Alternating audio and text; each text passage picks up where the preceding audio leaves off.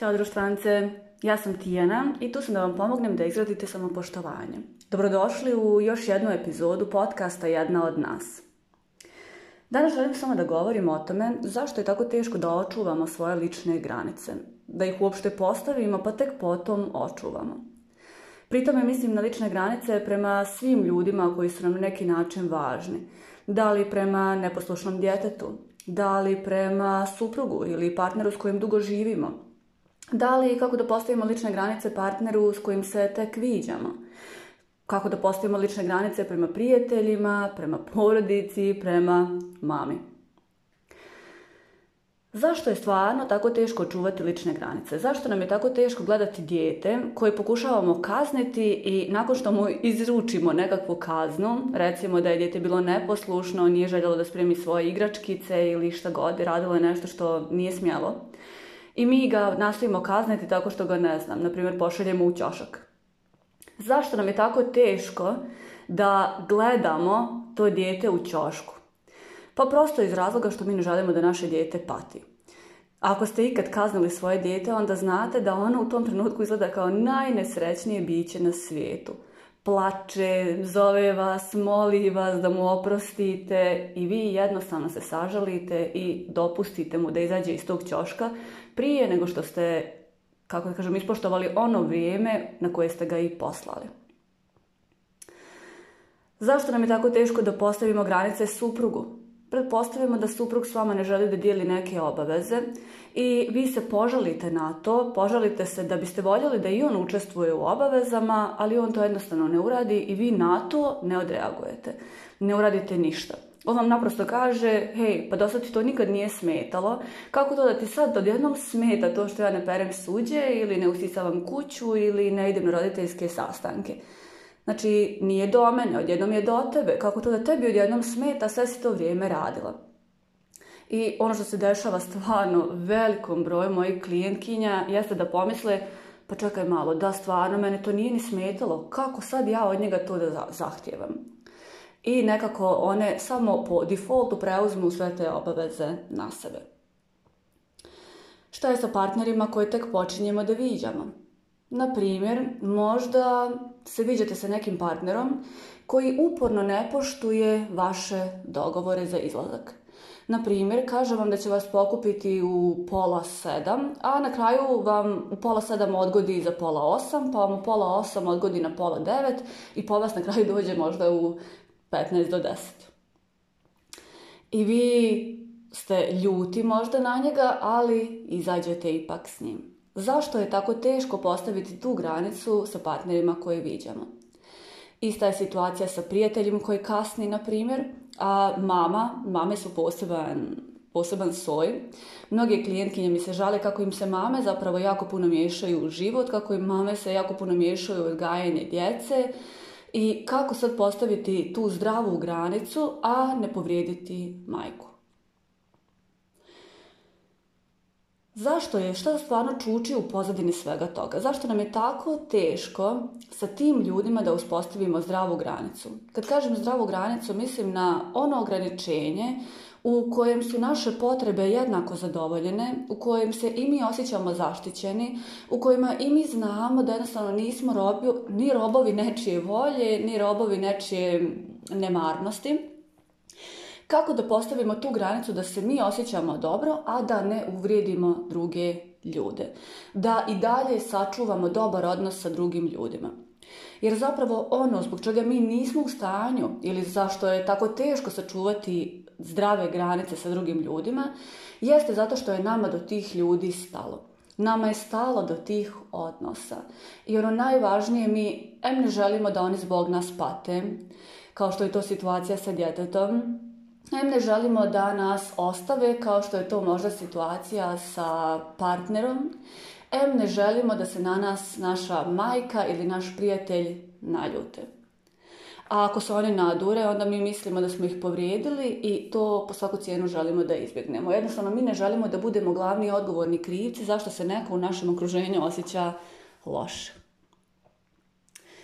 Međutim, moram iskreno da vam kažem da je ta strategija samo polovično dobra. Potpuno je u redu da ne želite da se neko u vašem okruženju osjeća loše zbog vas. Međutim, moram da vam kažem da niste vi ta osoba zbog koje se neko osjeća loše.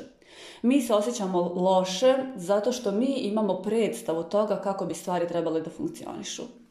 Ili drugim riječima, ja to stvarno često ponavljam i sad ću reći to ovako vama najbrutalnije što mogu, a to je očekivanje je majka svih zajeba.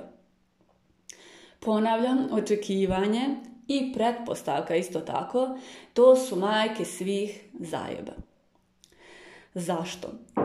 Recimo to ovako, ako ste vi imali dogovor sa partnerom u pola sedam, a on se nije pojavio u pola sedam. Da li je on odgovoran zato što se vi osjećate loše? Zapravo ne. Odgovorni smo mi sami zato što smo očekivali da on ispoštuje dogovor. Postoje ljudi koji jednostavno nemaju takva očekivanja, kojima je svejedno kad će ih neko pokupiti, oni to zovu spontano. Hajde da se spontano dogovorimo. Ja lično nisam jedna od tih i ne razumijem uopšte takav stav, ali pristajem i prihvatam da takvi ljudi postoje.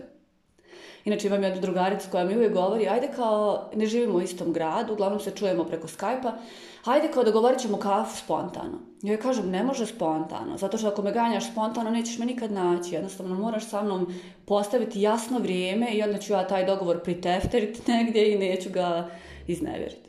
Tako ja funkcionišem. Znači, nama je stalo u principu do ljudi, to je prva stvar, a druga stvar, mi negdje imamo svoja očekivanja, pa isto tako ti drugi ljudi imaju svoja očekivanja od nas.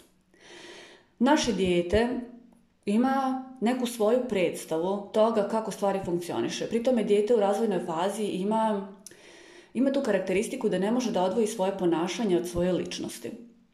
Što znači, ako me je mama kaznila za neko moje ponašanje, to automatski znači da mene mama kao osobu ne voli i plašim se da će me mama odbaciti i zato sam jako nesrećan kad sjedim u čošku i plačem i dozivam mamu da mi mama oprosti zato što nisam pospremio svoje igračke na vrijeme ili zato što sam nešto polupao ili razvalio rernu, što god da djeca još mogu da odrade. Prvo je to ono što morate da shvatite. Drugo, potpuno je u redu da vaše dijete pomalo bude i nezadovoljno. Ono time upravo uči da je da uči da podnosi frustraciju, uči da ne može uvijek sve biti po njegovom i uči se da ta očekivanja prilagođava realnosti. Znači ja ne mogu da radim sve što se meni prohtije, ja jednostavno moram da radim ono što je društveno prihvatljivo. Zamislite samo kakvi bi sve manijaci hodali ovim svijetom da im je apsolutno sve dozvoljeno. A da ne kažem kakav bi ovaj svijet bio da je nama svima sve dozvoljeno, da jednostavno ne postoje nikakvi kodeksi, nikakvi moralni kodeksi, nikakve norme ponašanja. Zašto nam je tako teško da postavimo granice u odnosu sa djecom? Zato što smo mi na to dijete slabi. Zašto nam je tako teško da postavimo granice mužu? Zato što nam je porodica negdje u sistemu vrijednosti jako visoko i tu porodicu koja nam je tako važna želimo da očuvamo po svaku cijenu. Kad kažem po svaku cijenu, to znači po cijenu toga da vi nosite četiri stuba kuće na sebi, a da vaš muž ne nosi možda ni jedan. Ja sad govorim stvarno o nekim drastičnim primjerima, ne mislim da svako u svojoj porodici ima ovakvu situaciju ali navodim neke drastične primjere. Znači, nama je porodica do te mjere važna da smo u stanju pogaziti sebe da bismo tu porodicu sačuvali.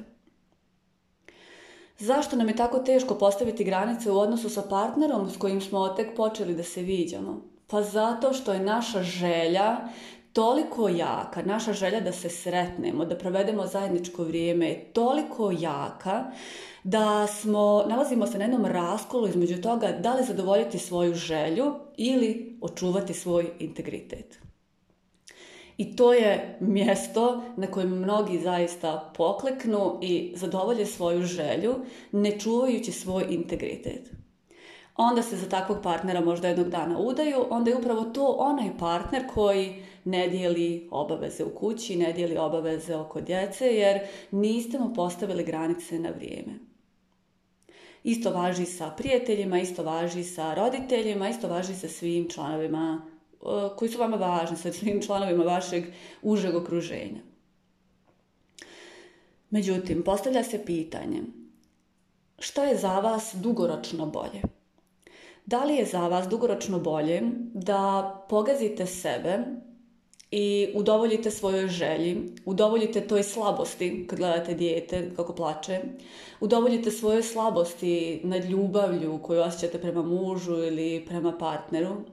Šta je bolje, da udovoljite svojoj slabosti ili da očuvate svoj integritet? Možda kratkoročno zvuči bolja ideja da udovoljite svojoj slabosti jednostavno, jer to je frustracija koju i vi morate da trpite, li tako? Znači, taj osjećaj, gledati dijete kako plače je neprijatan, to je apsolutno neprijatno. Taj osjećaj, zanemariti, ne izaći sa momkom zato što je on zakasnio je neprijatan, jer toliko želite možda izaći s njim. Svađa sa mužem, pomisa uopšte na prepirku oko toga ko će oprati suđe je neprijatna i to po svaku cijenu želite da izbjegnete. Mi smo skloni tome da izbjegnemo svaku neprijatnost. Međutim, u šta nas to dugoročno vodi? Da li nas to dugoročno vodi u to da neko stalno krši naše granice? Da neko stalno, pritome ljudi imaju tendenciju da te granice pomjeraju. I znate ono kad kažu date im prsta, oni hoće šaku. E pa to se često stvarno sa ljudima dešava. Znači ako im ne postavite jednu granicu, oni će sljedeći put tu granicu pokušati pomjeriti malo dalje pa će pokušati pomjeriti malo dalje. I dok se oko sebe okrenete, možda je prošlo 20 godina, vi teglite i vučete za sve vaše važne ljude, a oni se ponašaju nonšalantno i uzimaju vas zdravo za gotovo. Juče sam baš nešto razgovarala o tome sa jednom djevojkom i e, dala mi ona fenomenalnu ideju unutrašnjeg kompasa. Naime, ona je baš bila nezadovoljna time što, što neko probija njene lične granice i ja sam joj rekla, evo pogledaj, pogledaj sad kako mi ti to govoriš. Od toga je prošlo dva dana, ti još uvijek u sebi nosiš tu gorčinu i sa tom istom gorčinom mi tu priču prepričavaš. Da si postavila granicu i sačuvala svoj integritet i nisi popustila, nisi bila slaba nad svojom željom, da li bi osjećala tu istu gorčinu? I ona kaže, ne bi. I to isto večer je sačuvala svoje granice, ona mi je poslala poruku i rekla bila si potpuno u pravu. Nije mi sve jedno, nije mi lako što sam sad ovo odradila, nije mi lako što sam prevazišla sama sebe i tu svoju želju, što mi nije lako. Međutim, unutar sebe se osjećam mirna zato što nisam pregazila sebe. To je fenomenalan unutrašnji kompas. Uvijek možete da odvažete unutrašnju gorčinu sa unutrašnjim mirom ako svaki put kad pregazite sebe i pogazite svoju ličnu granicu, vi osjećate taj, tu, taj gorak ukus u ustima, onda znate da ste prešli preko sebe i prešli preko svojih principa. S druge strane, ako vam je neprijatno trenutno zato što ste se zauzeli za sebe, ali s druge strane osjećate taj nekakav unutrašnji mir jer znate da ste sačuvali sebe u svemu tome onda znate da ste ispravno postupili. Ja se iskreno nadam da će vam ovaj podcast služiti. Voljela bih svakako čuti vaše mišljenje. Pišite mi. Pišite mi u inbox na mrežama, pišite mi mail, pišite mi gdje god stignete, pišite mi. Kažite mi na koji način vi to čuvate svoje granice.